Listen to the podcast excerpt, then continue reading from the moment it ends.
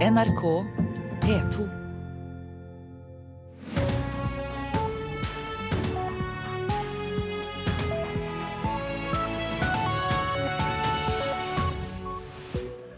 Sikkerheten i høysetet når AUF startet sin sommerleir på Utøya i overmorgen. Minst 20 mennesker omkom da to tog sporet av i India. Og Den norske kirken har fortsatt medlemsrot og opererer med oppblåste medlemstall. 2000 mennesker har omkommet i Middelhavet så langt i år. Mange av dem som overlever, kommer til den greske øya Lesbos, og dit skal også vi om ikke så lenge. God morgen og velkommen til Nyhetsmorgen, der vi naturligvis også følger utviklingen ved Universitetet i Oslo, der det er funnet en bombelignende gjenstand, og en person ble skutt i brystet i natt. Programleder denne morgenen det er Tor Albert Frøsland. På fredag starter AUFs sommerleir på Utøya for første gang siden 69 mennesker ble drept under terrorangrepet 22.07. i 2011. Denne gangen er sikkerheten i høysetet, og politiet vil være synlig både til lands og til vanns. På forhånd har politiet samarbeidet tett med AUF, det sier generalsekretær i AUF, Ragnhild Kaski. Det er jo veldig viktig for oss at alle våre leirdeltakere føler seg trygge på vår sommerleir. Derfor har vi jobba lenge med å finne en, en riktig måte å ivareta den følte tryggheten på. Hun var selv på Utøya da terroren rammet for over fire år siden. Nå vil Ragnhild Kaski i AUF overbevise årets deltakere om at sikkerheten er vel ivaretatt. Det skjer gjennom et tett samarbeid med politiet. Vi vil ha uniformert politi til stede. Vi vil være synlige både på land, eh, landsida, på øya og i båt sier sjefen på Hønefoss politistasjon, Kjell Magne Tvenge. Siden terroren i 2011 har politiet vært til stede ved AUFs sommerleire, men dette blir første gang de skal vokte Utøya. Det er ingen eh, trusler som er retta mot en ungdomsleir, og ved vår tilstedeværelse så mener vi at det skal være veldig trygt å være på Utøya. Vi samarbeider også tett med AUF sine mannskaper om å være sikre øya som leirsted. I tillegg til politioppbudet har AUF flere tiltak for å sørge for at deltakerne på leiren skal føle seg trygge. Vi har alltid brukt å ha bagasjesjekk når man drar på, på, sommerleir. Ehm, det kommer man også til å gjøre i år, i tillegg til billettkontroll og den type ting. Det kommer til å være mange voksenpersoner å, å snakke med, eh, stille spørsmål til. Eh, det kommer også til å være eh, Norsk Folkehjelp på øya. De står for sanitetstjenesten på øya. Det har de alltid gjort, og det skal de gjøre også i år. AUF har opplevd en kraftig medlemsvekst de siste årene, og på helgens leir ventes det opp mot 1000 deltakere. Og de aller fleste føler seg trygge, sier Kaski. Det er jo selvfølgelig spørsmål om, om mye forskjellig. Eh, også spørsmål om, eh, om sikkerhet. Eh, men først og fremst så er det spørsmål om eh, hvem man kan sove i telt med, eller eh, hvordan man kommer seg ut til øya. Så folk er ikke bekymret, så er ditt inntrykk? Selvfølgelig er det noen som, som, også har spørsmål om det her, og vi eh, svarer så godt vi kan. Og vi har gode, gode, samtaler også med foreldre som skal sende sine barn på sommerleir, sånn som vi alltid har brukt å ha før sommerleirene våre. Reporter var Vegard Valestrand.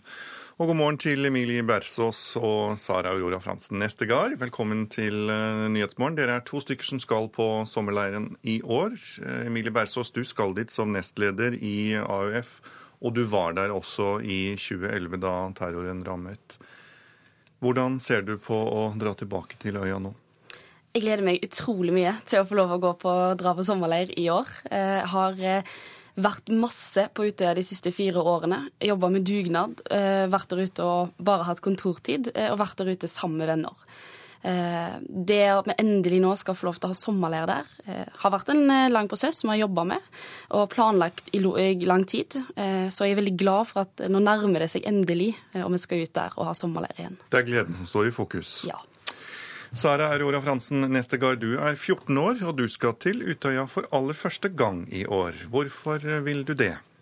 Jeg har lyst til å dra til Utøya fordi jeg har lyst til å få nye venner og blande med venner og sosialt. Og i tillegg så er jeg veldig så det er veldig viktig, å, fordi Anders Behring Breivik ville jo at vi ikke skulle være på øya, drive med politikk og si vår mening. Og da syns jeg det er ganske viktig å dra tilbake til Utøya og vise at ikke han fikk lov til å vinne over oss. Si vår mening, sier du. Hvordan har du da forberedt deg på å dra på sommerleir? Eh, jeg, jo, jeg, var jo elleve år når dette med Utøya skjedde, så jeg var jo ganske liten. Eh, men allerede da syntes jeg det var veldig viktig og eh, Det var helt forferdelig det jeg hørte og sånn.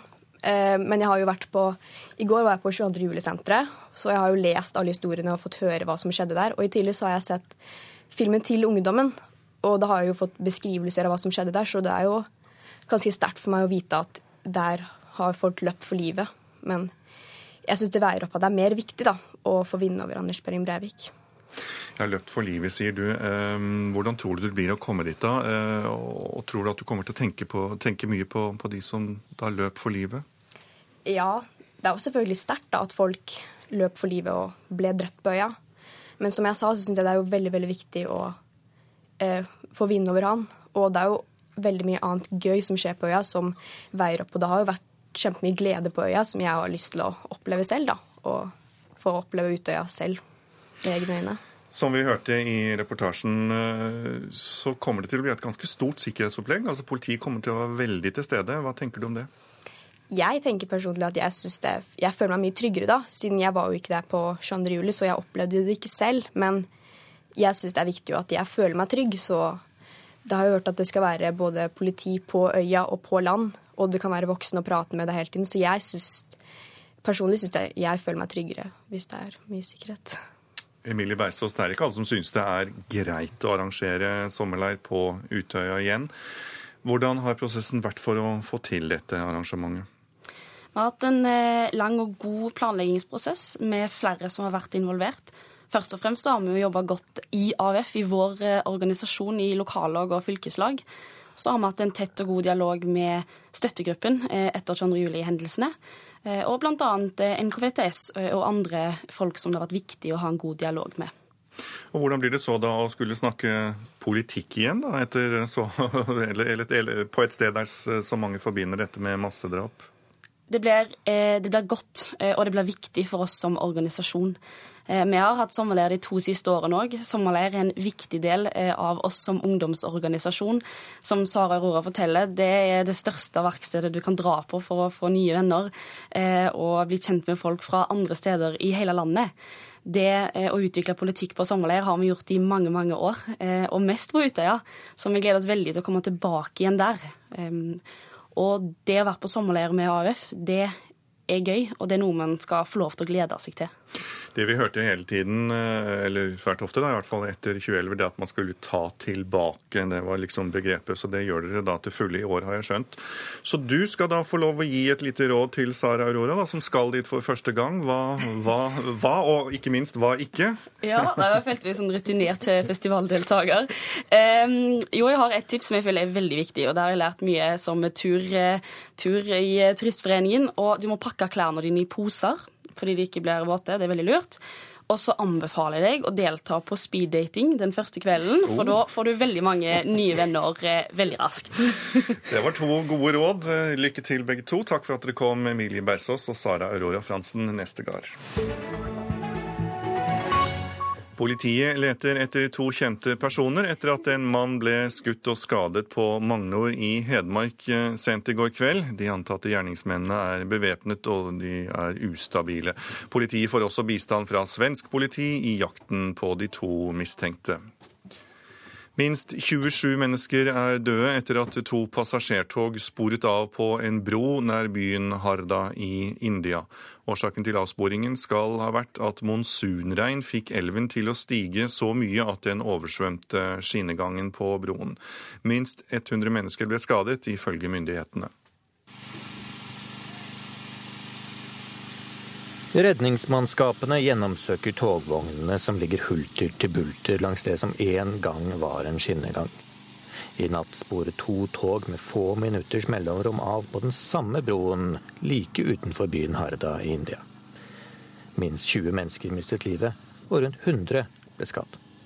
Ifølge myndighetene så antas det at den høye vannstanden i en elv kan være årsaken til at de to togene sporet av. So, uh, the approach to the culvert, the track, it, it caved in because of the heavy rains and because of the wet soil, soft soil, which it became because of the rains, rainwater.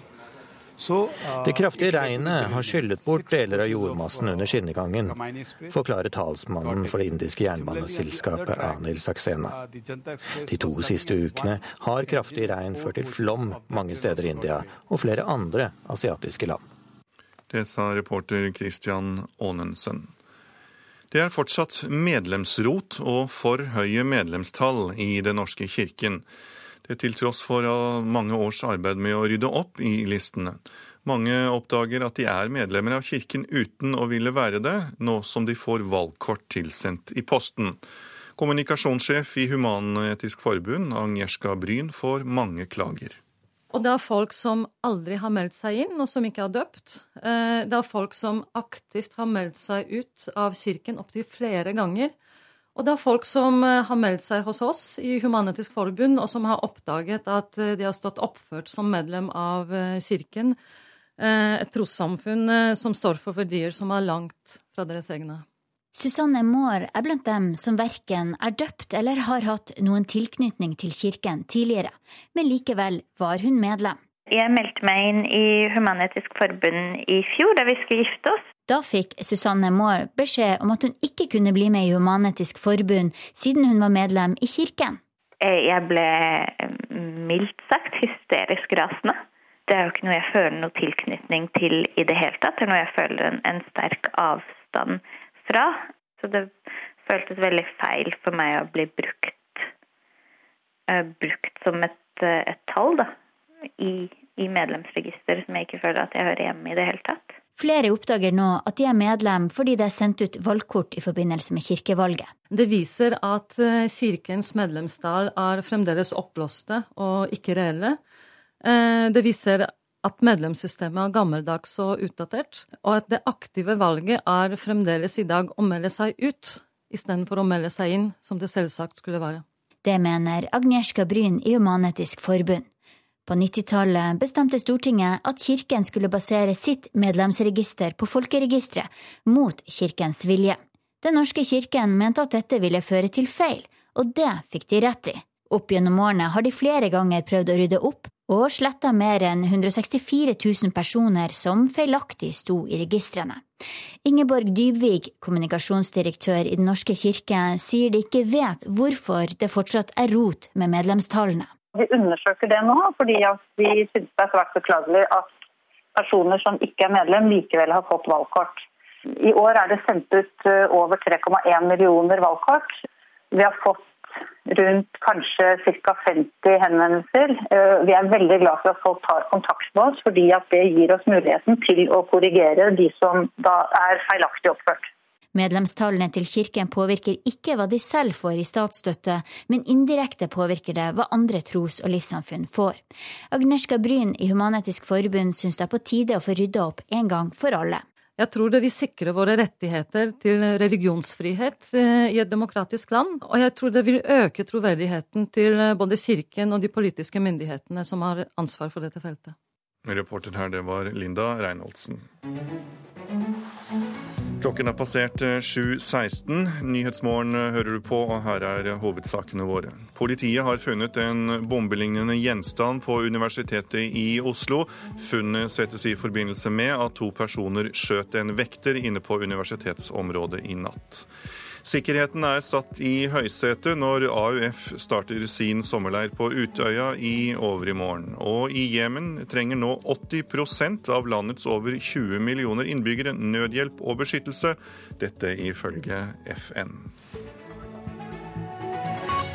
Ja, politiet har sperret av mesteparten av universitetsområdet på Blindern i Oslo. Årsaken er at det er funnet en bombelignende gjenstand og det skjer bare noen få timer etter at en vekter ble skutt inne på universitetsområdet. Reporter Hirma Samadawi, du følger, Hiba Samadawi, du følger situasjonen. Hva er siste nytt? Ja, Bombegruppa er da på vei til Blindern for å undersøke og finne ut av hva den gjenstanden er, og eventuelt da uskadeliggjøre den. Mesteparten av universitetsområdet er da sperra av for å ivareta sikkerheten til forbipasserende. Det opplyser Oslo politidistrikt.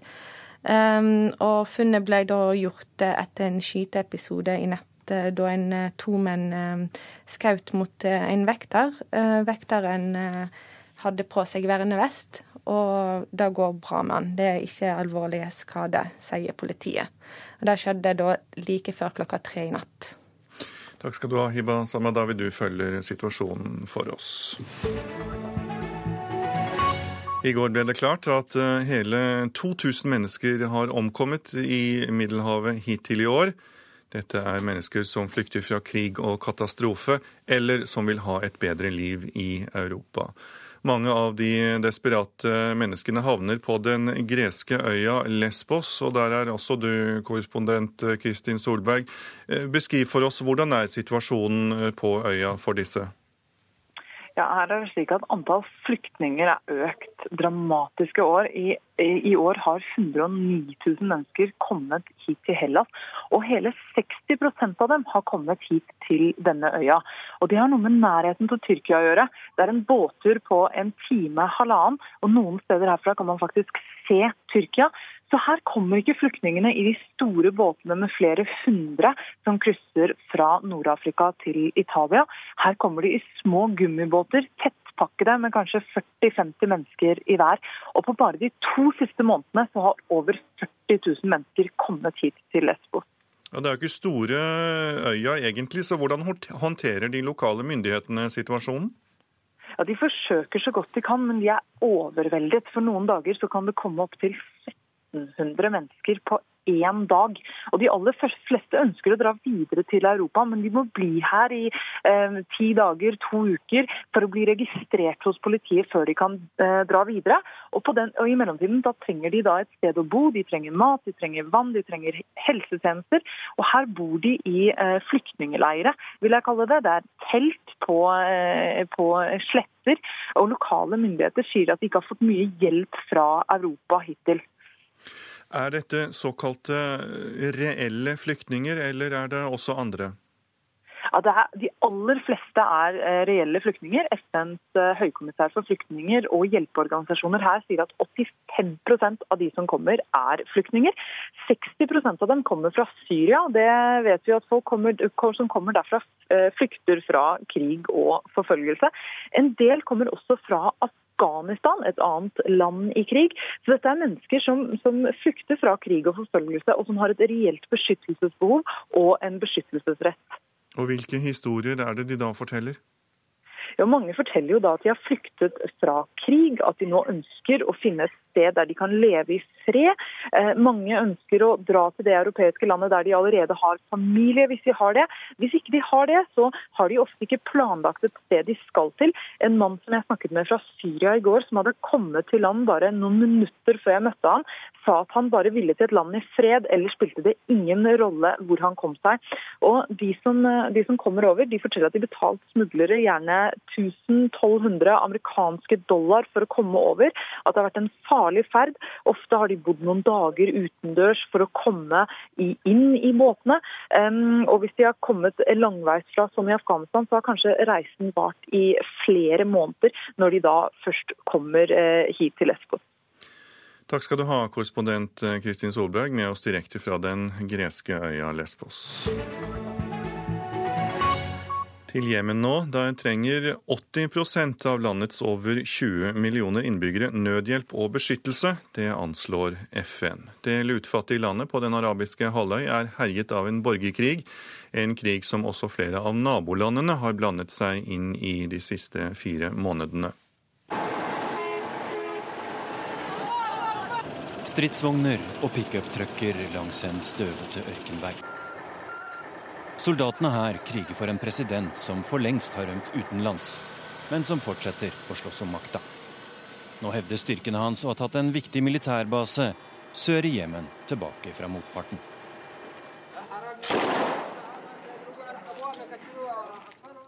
Og motparten er den sjiamuslimske Houthi-militsen, som fortsatt holder kontrollen over Jemens hovedstad Sanaa. Og det til tross for at arabiske land med Saudi-Arabia i spissen har hjulpet den avsatte regjeringen ved å bombardere opprørerne fra lufta i fire måneder. FN har gang på gang bedt om våpenhvile, uten hell.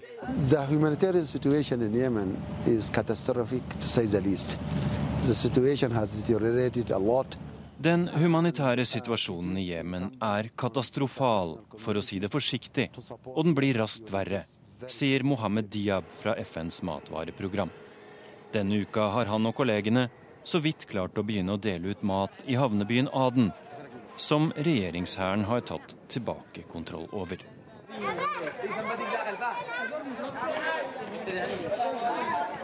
4000 mennesker er drept i krigen, halvparten av dem sivile, og 100 000 mennesker har lagt på flukt, anslår FN. Allerede før krigen begynte, importerte Jemen 90% av matvarene sine. Når importen nå har stanset opp, har matvareprisene føket i været, og det er, som alltid, de fattigste og de mest sårbare som lider mest. Reporter her, det var eh, Tore Moland. Sveitsiske tollere har konfiskert over 260 kilo med elfenben på flyplassen i Zürich. Tre kinesiske passasjerer hadde med seg åtte kofferter fulle med elfenben fra Tanzania da de ble stanset, og smuglerne sitter i varetekt. Internasjonal handel med elfenben har vært forbudt siden 1990, men det blir fortsatt solgt store summer i flere asiatiske land. Og Da skal vi titte litt på det som noen aviser har på forsidene sine. Verdens middelklasse fordobles frem mot 2030, for trenden er klar, ifølge Aftenposten. Den økonomiske kraft er i ferd med å flytte seg fra vest mot øst og fra nord mot sør. Det kan bli dyrere flybilletter i distriktene, ettersom regjeringen vil fjerne et avgiftsfradrag som er spesielt gunstig for mindre fly. Det skriver Nasjonen. Vårt Land tar opp at det i morgen er 70 år siden bomben Lillegutt ble sluppet over Hiroshima i Japan. Kasinokongen Halvard Flatland sier til VG at han aldri blir helt frisk, men han tar likevel med seg datteren når han vil lage TV-aksjon til hyllest for Sunnaas sykehus. Oljeprisen stuper og drivstoffprisen går opp. Nå ber professorstaten om å gripe inn for å øke konkurransen, slik at prisene kan gå ned, skriver Dagbladet. Og som du har hørt her i Nyhetsmorgen, så opererer Kirken med listekaos og medlemsrot, ettersom de, ikke, ettersom de som ikke er døpt og medlem av Kirken, fortsatt mottar valgkort til kirkevalget. Det skriver Klassekampen. Nestleder Ketil Solvik-Olsen i Fremskrittspartiet frykter ikke søndagsopprør fra KrF. Til Dagsavisen sier han at mange kristne ikke bryr seg om søndagsstengt. 50 skip knyttet til oljenæringen ligger nå i opplag, det forteller Dagens Næringsliv. Markedet for slike skip har rett og slett forsvunnet. Wilhelmsen-konsernet er tatt for juks igjen, ifølge Finansavisen. I fjor fikk konsernet en bot på 200 millioner. Nå vanker ny bot på 63 millioner for ulovlig prissamarbeid. Utsikten forsvant for naboene i Lillesand i Aust-Agder da et lysthus ble reist uten byggesøknad. Ny plan- og bygningslov gir kommunen ingen mulighet til å gripe inn så lenge høyde og størrelse er etter loven, skriver Fedrelandsvennen. Og vi bør ikke kjøpe bolig nå. Eksperter spår prisfall i minst to år til, ifølge Stavanger Aftenblad. Ny krangel på gang om Bybanen i Bergen. Det forteller Bergens Tidende. Og transkjønnede Karin ble kastet av toget av NSB fordi konduktøren ikke trodde hun er kvinne. NSB sier de fulgte vanlig prosedyre. Det skriver Adresseavisen. Og til slutt, 25 år gamle Benedicte slet med spiseforstyrrelser i tre år. Nå vil hun hjelpe andre, skriver avisen Nordlys. Sport nå. Molde hadde en aller tiders mulighet til å gå videre i mesterligakvalifiseringen i går. Avansement ville betydd sikret europacup neste år og flere titalls millioner inn i pengekassen. Store feil fra enkeltspillere ødela resultatet for romsdalingene i en kamp som inneholdt alt. Trener Tor Ole Skullerud var meget skuffet etter kampslutt. Det er tungt å svelge, jeg må innrømme det. Eh, det er det sprøeste jeg har vært med på i en, i en enkelt fotballkamp noensinne. For kampen inneholdt alt. Tre straffer til Molde, først to bom, så en skåring. Rødt kort og horrible forsvarsfeil gjorde det også vanskelig. De hentet opp 0-3 til 3-3, men røk ut fordi Dinamo Zagreb skåret flere bortemål sammenlagt. Ola Kamara brant straffe på 0-0, men skåret senere i kampen det blir bare sånn at man er virkelig skuffa. Det er klart, eh, vi, I andre omgang går vi ut og gjør et godt forsøk, og vi holder faktisk på å, greie det også. Så det blir litt sånn ekstra surt når det er en god laginnsats også. Vi egentlig faktisk føler at vi er bedre enn Dinamo de siste 50 minuttene, kanskje. Molde er ute av den gjeveste turneringen, Mesterligaen.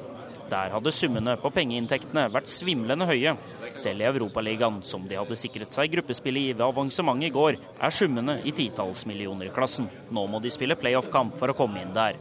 Vegard Forhen ble utvist på stillingen 2-3. Midtstopperen synes de alt i alt var uheldige i kampen.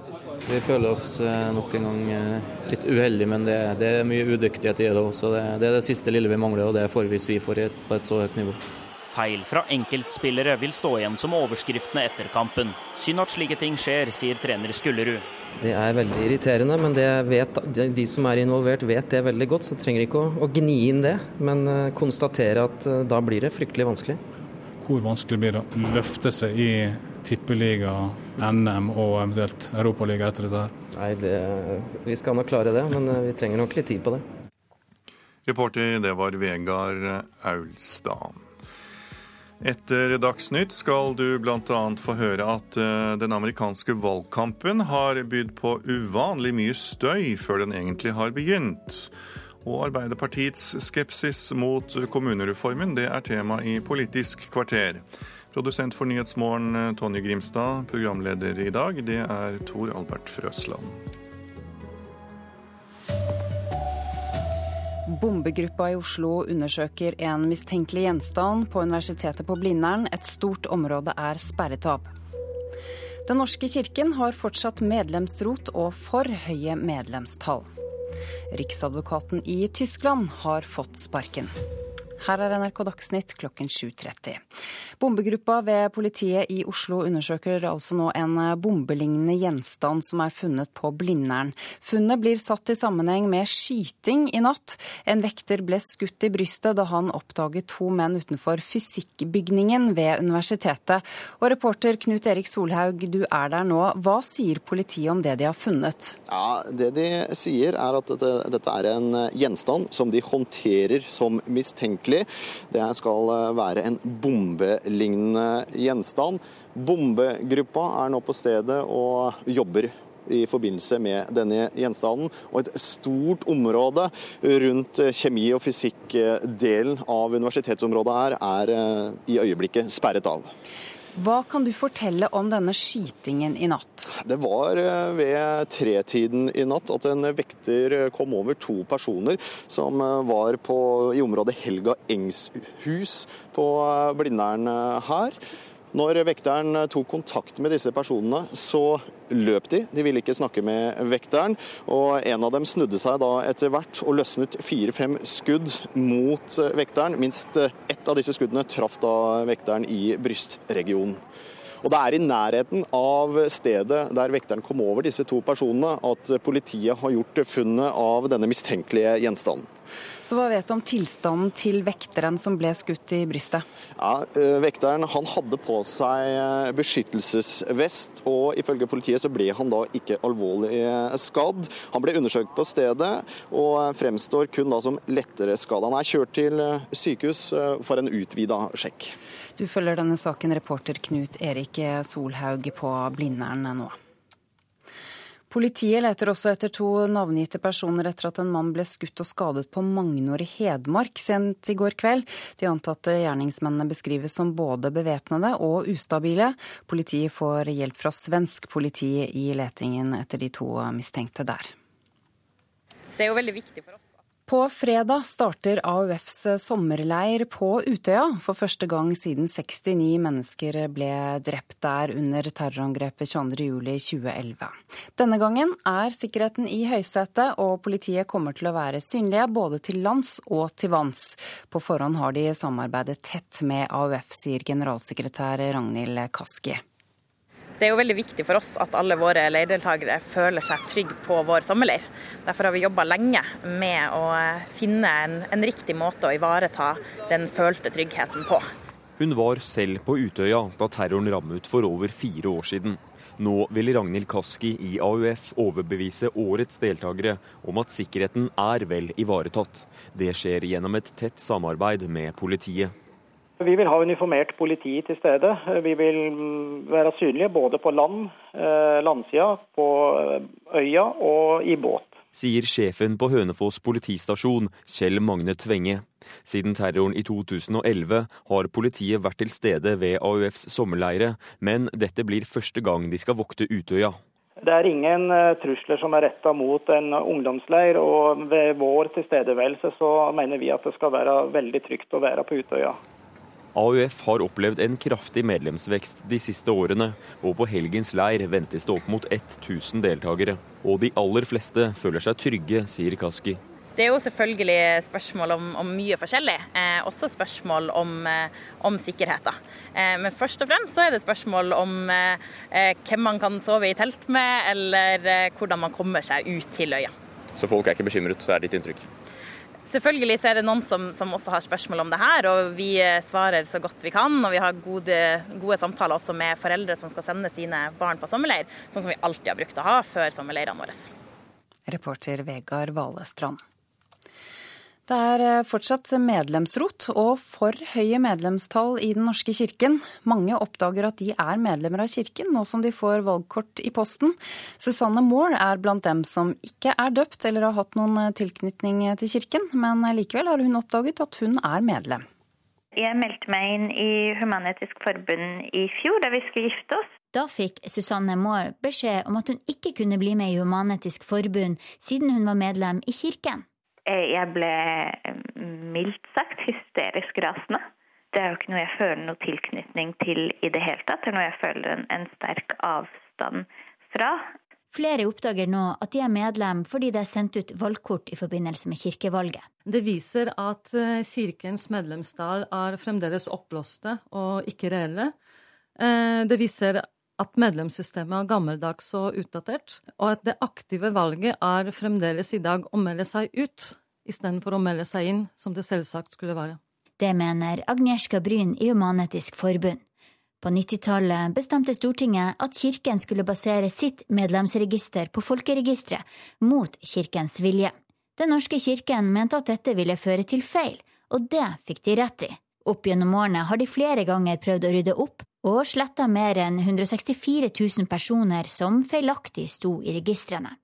Ingeborg Dybvik, kommunikasjonsdirektør i Den norske kirke, sier de ikke vet hvorfor det fortsatt er rot med medlemstallene. Vi undersøker det nå fordi vi syns det er svært beklagelig at personer som ikke er medlem, likevel har fått valgkort.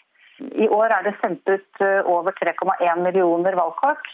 Vi har fått rundt kanskje ca. 50 henvendelser. Eh, vi er veldig glad for at folk tar kontakt med oss, fordi det gir oss muligheten til å korrigere de som da er feilaktig oppført. Reporter her var Linda Reinholdsen. Rundt 40 personer måtte evakuere etter at det i natt begynte å brenne i en boligblokk i Sandviken i Bergen. En person ble lettere skadet i denne brannen. Riksadvokaten i Tyskland, Harald Range, har fått eh, sparken. Det skjer etter at han startet etterforskning av to journalister som er anklaget for å ha publisert utdrag fra hemmelige dokumenter. Og justisminister Heiko Maas sier han ikke lenger stoler på Range. Jeg har gitt beskjed til riksadvokat Range at min tillit til ham er sterkt svekket. Med støtte fra forbundskansleren vil jeg derfor be presidenten om at han gir Ranges sparken, sa den tyske justisministeren Heiko Maas da han møtte pressen. Han er forbannet etter at Riksadvokaten har anklaget regjeringen for å blande seg i etterforskningen av to journalister. Riksadvokat Range startet i forrige uke etterforskningen av de to journalistene i nettavisen Netts Politikk. Ifølge siktelsen skal de to ha publisert utdrag av hemmelige dokumenter om at tyske myndigheter vil øke overvåkningen av internettrafikken. Etterforskningen har ført til store protester her i Tyskland. Med overvåkningsregimene fra nazitida og DDR friskt i minne, skaper enhver tukling med ytringsfriheten sterke reaksjoner her. Etterforskningen er nå satt på vent, inntil en ekspertkomité har funnet ut om opplysningene som ble publisert, faktisk var statshemmeligheter. Guri Nordstrøm, Berlin. Vi skal videre til USA, for i California jobber nå flere tusen brannmenn og soldater fra nasjonalgarden med å stanse skogbrannene som har rast i en hel uke nå. 6900 boliger skal være truet, og 13 000 mennesker har måttet forlate hjemmene sine. Myndighetene i California erklærte unntakstilstand sist fredag, men siden da har det bare blitt verre. Brannmannskapene sier selv de bare har rundt 12% av brannene under kontroll, og det er varslet mer lyn og torden i de nærmeste dagene. Brannfolkene tror de fleste brannene er forårsaket av lynnedslag, og flere er trolig i vente. California har de siste fire årene vært rammet av tørke, den verste i de over 100 årene en har målt nedbørsmengder i solstaten. Men om tordenværet skulle bli ledsaget av litt regn de neste dagene, vil det ha liten virkning på brannene, sier de som risikerer livet for å slukke dem. Det sa USA-korrespondent Gro Holm, og én person har til nå omkommet i brannene. Sanking, dyrking og selvlaget mat fra bunnen er i vinden som aldri før. Og det er spesielt folk i byene som ønsker å være selvforsynt med naturens goder, sier sosialantropolog Gunn Helen Øie til NTB i dag. Flere butikker melder også om økt salg av produkter for produksjon og lagring av hjemmelaget mat. Ansvarlig for dagsnyttsendingene denne morgenen er Elin Pettersen. Teknisk ansvarlig Marianne Myrhol. Jeg heter Ida Creed.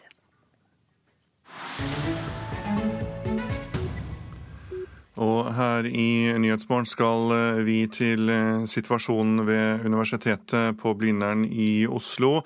Eh, politiet frykter at de har funnet en bombe utenfor fysikkbygningen på området. Området er sperret av, og bombegruppen ved politiet undersøker nå denne gjenstanden. For få minutter siden fikk vi dette intervjuet med universitetsdirektør Gunn Elin Bjørneboe. Eh, det som Så langt vi har fått opplyst, er, er vekteren ikke alvorlig skadet, og det er vi veldig glade for. Eh, vi har innkalt eh, beredskapsledelsen nå. Politiet er på stedet og håndterer saken. Og noen bygninger er avsperret. Og Hvilke bygninger er det? Det er fysikkbygningen, kjemibygningen og en tredje bygning. Hva, hva har skjedd på universitetet de siste dagene nå? Det er ikke noe eh, som har skjedd spesielt på universitetet i disse siste dagene. Det er, sommer, det, er sommertid, og eh, vi venter først studentene til uken. Dette fysikkbygget, hvor det da er funnet eh, det som blir kalt en bombelignende gjenstand, hva inneholder det bygget? Ja, det inneholder laboratorier, det inneholder kontorer, det inneholder lesesaler. Og ikke noe annet spesielt i det bygget.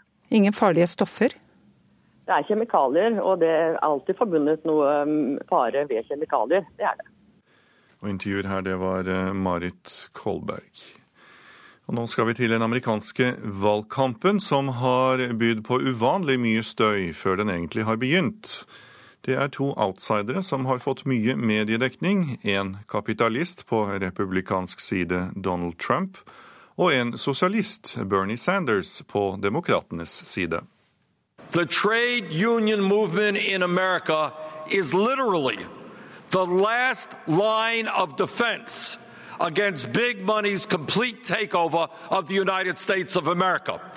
That's why they want to destroy you, and that's why we have to resist. Taket løfter seg nesten på konferansen til Metallarbeiderforbundet. På scenen på et hotell i Washington står mannen som i hele sitt liv har kjempet for fagorganiserte amerikanere. Som kaller dem brødre og søstre. For Bernie Sanders er ikke redd for å kalle seg selv sosialist. Bernie Sanders is what I call a real politician. He's what America needs to change the country. Very, very Han er en virkelig politiker. Han er det vi trenger for å forandre USA, mener Joe Negro, som har vært fagforeningsleder i en mannsalder. Han går for Bernie Sanders i 2016 fordi han er ærlig. Why does nobody else dare speak like him? Because they're politicians. He's genuine. He's a, he's a Donald Trump har distansert resten av feltet på meningsmålingene. Her sjarmerer han en stor folkemengde i Iowa ved å fortelle hva han vil gjøre med maisen deres.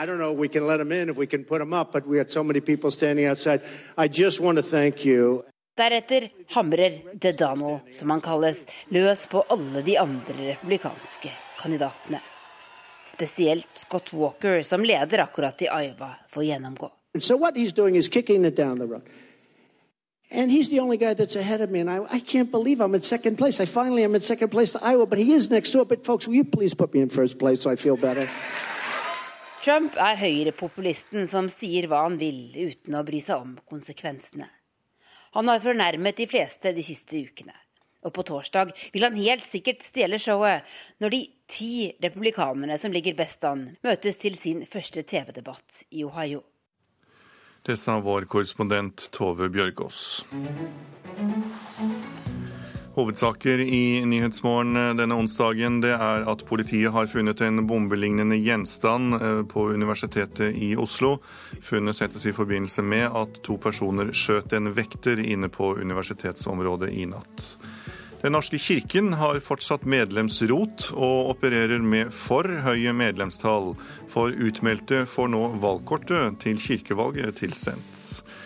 Det er straks duket for Politisk kvarter, og det er kommunereformen som skal opp til debatt, og det med programleder Astrid Randen.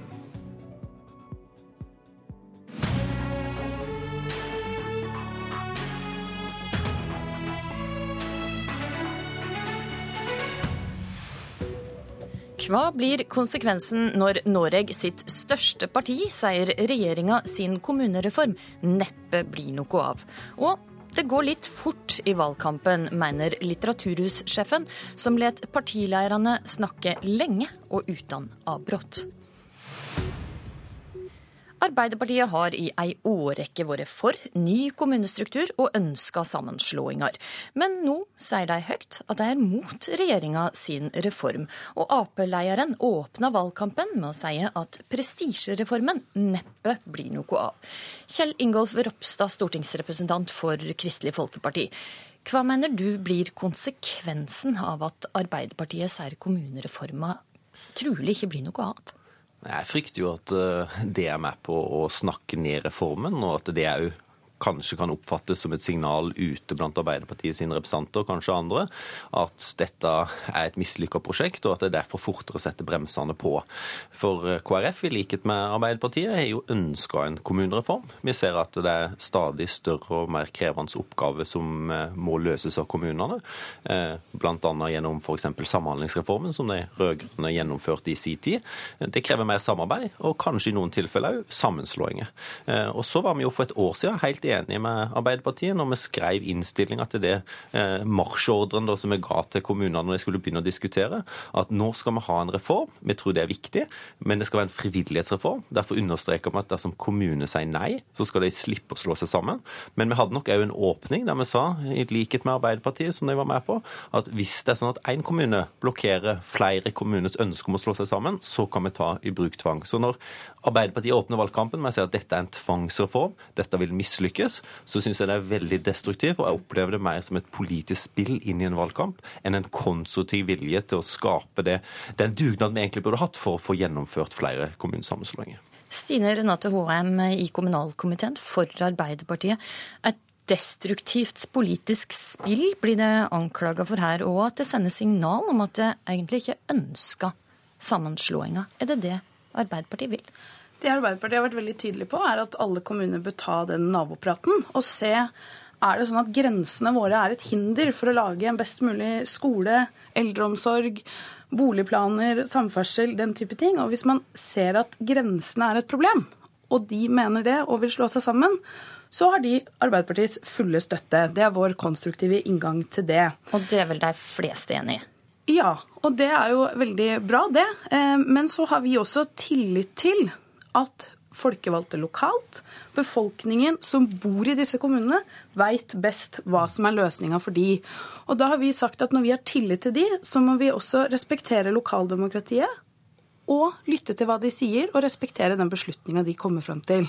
Men nå sier altså Arbeiderpartiet at denne reformen trenger ingen tidsfrist. Eh, og det sier at denne reformen blir neppe noe av. Ser du da at det sender et signal ut til landets lokallag som sitter i forhandlinger om eh, nye sammenslåinger? Altså, de signalene vi har sendt, er at alle bør ta denne diskusjonen. Og at man bør finne ut om grensene er et problem eller ikke. Og dersom de ikke er det, så bør eh, Stortinget respektere det, har vi sagt fullt ut. Så jeg mener at det er gode signaler om tillit, om respekt for lokaldemokratiet. Og jeg tror ikke denne reformen kunne hatt noe bedre utgangspunkt enn om alle partiene var helt enige om det, og at det ikke lå eh, tvangselementer, stramme tidsfrister. For det er veldig mange som vi møter ute sier, er at dette er krevende prosesser. Eh, det er krevende å få alle fakta på bordet og at mange trenger mer tid. Og da skulle vi ønske at Stortinget hadde gitt dem mer tid. For det vi vet, er at det er de beste prosessene som fører til det beste resultatet. Og her er det for stramme tidsfrister. Så siden det er stramme tidsfrister og en trussel om pisk for kommunene, så betyr det at Arbeiderpartiet er imot denne reformen? Ja, vi har, vi har sagt veldig tydelig, det sa vi for over et år siden, så det burde ikke komme som noen overraskelse, at vi ikke kan stille oss bak denne reformen i helhet. Men nabopraten, de vurderingene, Eh, det tenker jeg er en del av samfunnsoppdraget til våre lokale folkevalgte å ta hele tiden. Og så har vi også sagt at grensene tror vi ikke løser alle problemene. Vi må legge mer økonomi på bordet, og vi må få en kompetansereform. Og der har ikke flertallet vært like reformvillig som Arbeiderpartiet. Ok, Ropstad, det er ikke noen nye signal fra Arbeiderpartiet her? Nei, men, men, hvis du ser ett år tilbake da, i Stortinget og ser merknadene som Arbeiderpartiet var med på, sammen med KrF, Høyre, Frp og Venstre, så sier vi klart og tydelig at uh, vi skal respektere uh, de avgjørelsene som tas lokalt. og Derfor er det en frivillighetsreform. Så at Arbeiderpartiet går rundt og snakker om at dette her blir for mye tvang, det klarer ikke jeg å forstå. Og Når det gjelder en tidsfrist, så kunne en sikkert alltid diskutert at en burde hatt lengre og lengre tid. Nå vil de ha fått to år, til, eller kanskje nesten tre år, for å diskutere den kommunereformen, som vi alle vet er krevende. Eh, men vi har vært opptatt av å gi dem gulrøtter, og at alle kommuner som da velger å slå seg sammen, skal få belønning for det. Eh, men så vil det jo være sånn at de som ikke slår seg sammen, kan ikke få den belønninga. Det mener vi er rett og rimelig òg, ut ifra at en har et ønske om at flere skal slå seg sammen. Men hovedpoenget er jo at Arbeiderpartiet er et stort, mektig parti. Det at Arbeiderpartiet er med på en sånn reform, at de er konstruktive og bidrar til å forme de nye kommunene som dette landet skal ha, det tror jeg ville gjort at reformen ville gått lettere. Når de velger det motsatte, så opplever det seg som at en går inn i en valgkamp der alle vet at dette er en krevende diskusjon, og så prøver de å gjøre politisk gevinst på det. Iallfall oppleves det sånn, og det syns jeg er synd. Trygve må ta med en tredje debattant her. Trygve Slagsvold Vedum, Senterpartileier, du er med oss fra studio Elverum. Hvordan reagerer du på det Arbeiderpartiet har eh, kommet med den siste, siste veka? Det er ingen tvil om at vi har påvirka Arbeiderpartiet, og det er kjempebra. Og det som Arbeiderpartiet nå blir eh, kritisert for, er jo at de vil at eh, vi skal høre på folk lokalt. Og Det er egentlig helt forunderlig å høre på Kristelig Folkeparti, som er en gammel sentrumsvenn, kritisere Arbeiderpartiet fordi at Arbeiderpartiet sier at man nå ønsker at lokalbefolkningen i den enkelte kommune skal bestemme, og at de ikke skal bruke den type trusler om tvang hvis de ikke hører, eller at de skal bruke trusler om at de skal gjøre inntektssystemet dårligere for deg hvis du ikke slår deg sammen, akkurat når vi vil at du skal slå deg sammen. Så det er jo at Arbeiderpartiet tar lokalbefolkningen på alvor, mens KrF da av en eller annen grunn blir helt blinde av Høyres eh, tro på at den skal bruke den derre pisk- og tvang-retorikken, og det er ikke god sentrumspolitikk. Og nå har i hvert fall heldigvis Senterpartiet påvirka Arbeiderpartiet, og det er av det gode. Så du er glad for at Arbeiderpartiet nå har kommet over til deres side? Ja, men så Arbeiderpartiet var jo på den sida der når vi satt sammen i regjering òg, så var de litt i tvil en periode. Og så nå er de helt tydelige igjen at det er folket lokalt som skal bestemme. Og når vi kaller det her en demokratireform, så skulle det jo bare mangle at man ikke skulle høre på hva folk i den enkelte kommune mener. Jeg kan ikke forstå at Ropstad syns at det er feil. At Arbeiderpartiet sier nå nei, i denne reformen så må man ha den gode debatten, de får diskutere lokalt, men hvis man da i den enkelte kommune sier at vi klarer oss godt aleine, så må vi respektere det. Det er dette god, ut i ordet tvang. Det her det er det det koka ned til, ordet med store bokstaver. Og Stine Stirren Rønte HM, det Arbeiderpartiet har jo også vært for det samme som regjeringa og KrF tar til orde for. at hvis tre kommuner ønsker å slå seg sammen, så skal ikke ei fjerde kommune kunne hindre det. Har de gått bort fra det standpunktet nå?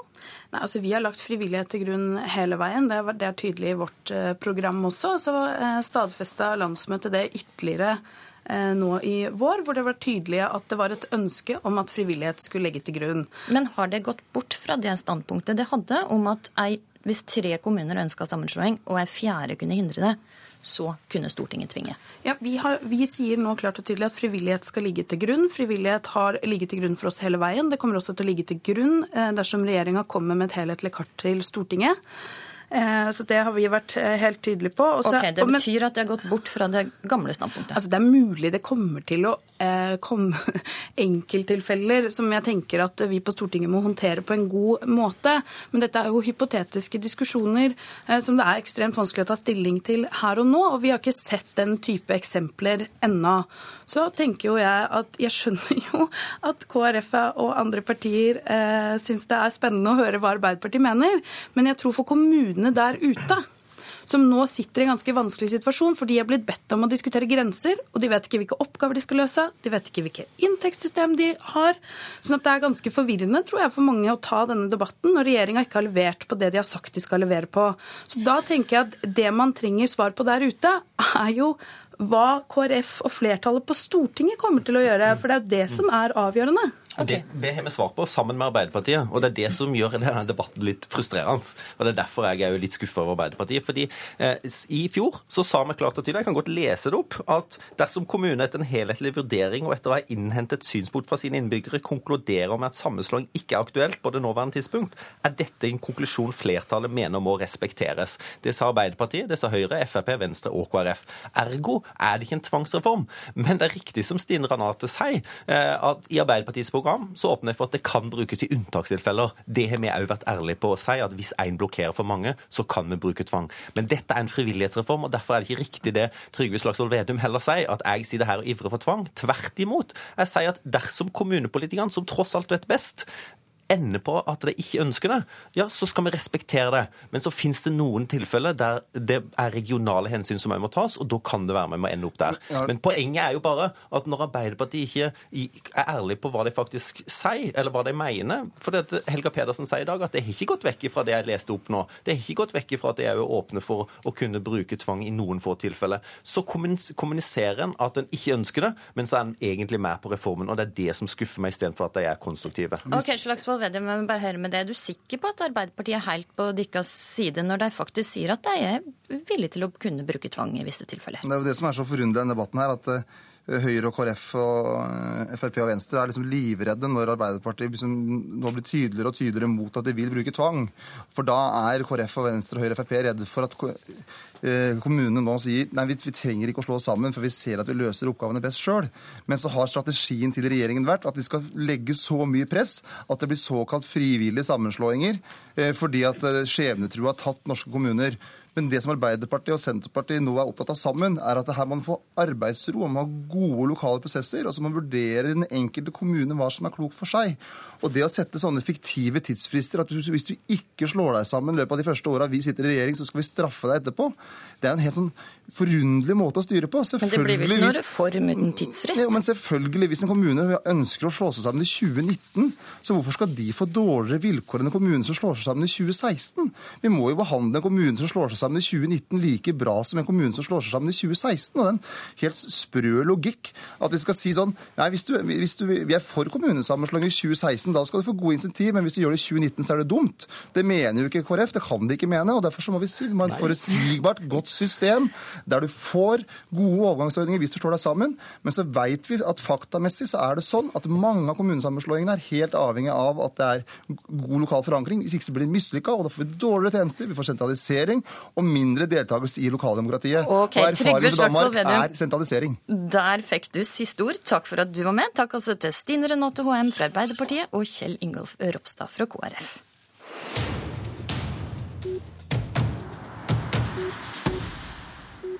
Trenger vi en høyere himmel over høstens valgkamp? Ja, mener Litteraturhuset, som i dag starter si foredragsrekke der partilærer snakker om ideologi og de store veivalgene. Helt uten å bli avbrutt av programledere eller motdebattanter. Andreas Wiese, daglig leder for Litteraturhuset. Hva håper det å tilføre velgerne med disse foredragene? Jeg tror at vi har veldig mange debatter, men hvis vi lager et forum hvor partilederne får en anledning til å snakke ut uforstyrret over lengre tid, så kan vi tydeligere se hva de står for, hvilken ideologi de bærer, og hvor de ønsker at Norge skal gå videre. Så det er en annen måte å snakke på som jeg tror kan gi noe annet i den valgkampen vi nå nettopp har startet. Hva for tema skal de snakke om? Ideologi? Det høres litt sånn vagt ut, kanskje? Ja, de kan, eh, altså de skal, Ideologi er jo ikke så veldig vagt. Det er jo på en måte det partiene står for. Men her har vi bedt dem snakke om hvilket liv Norge skal ha etter oljen. Hva klima- og befolkningsutvikling, eh, hvordan det skal spille sammen. Altså hva skal vi gjøre med byutvikling og regionsutvikling eh, i lys av global oppvarming og den type ting. Og hva skal vi gjøre med utjevningsspørsmål i dette samfunnet? Skal vi eh, arbeide for at Norge skal bli et likere land med mer utjevning, eller skal vi ikke? Og hvis vi skal, hvordan skal vi da gjøre det? Grunnen til at vi i NRK ikke let partileierne snakke uavbrutt i en time sammenhengende, er jo at vi frykter at dette kan bli litt kjedelig for folk. Tar vi feil? Jeg lurer på om dere tar litt feil på den måten at det finnes mange forskjellige måter å snakke på, og at fordypning er ofte vel så interessant eller mer interessant enn stadig avbrudd. Og jeg tror at eh, det kan være vel så utfordrende for en politiker å skulle snakke uavbrutt i 45 eller 50 minutter om hva de står for. Det finnes mye god hjelp i å bli avbrutt av annenhver setning, altså. da kommer ikke de helt lange linjene fram. Eh, det hadde også slike foredrag forrige valg, stortingsvalget for to år siden. Kom det noe nytt og spennende ut av det? Ja, de gjorde, de gjorde det. Nettopp det. At man får den tiden til å tegne opp et større lerret, en større oversikt og sette ting i sammenheng, gjør at de som kommer f.eks. på statsministerens foredrag i dag klokka fem på Litteraturhuset, de vil få en anledning til å se hva Høyre satser for i denne valgkampen, og hvor de står i de diskusjonene vi har nå. Og det samme med de som hører på Moxnes og Rødt klokken syv. Klokka syv. Det begynner altså i dag med statsministeren klokka 17 eh, i Politisk kvarter, og med litt lågere himmel, eh, kanskje. Programleder i dag var Astrid. Hør flere podkaster på nrk.no podkast.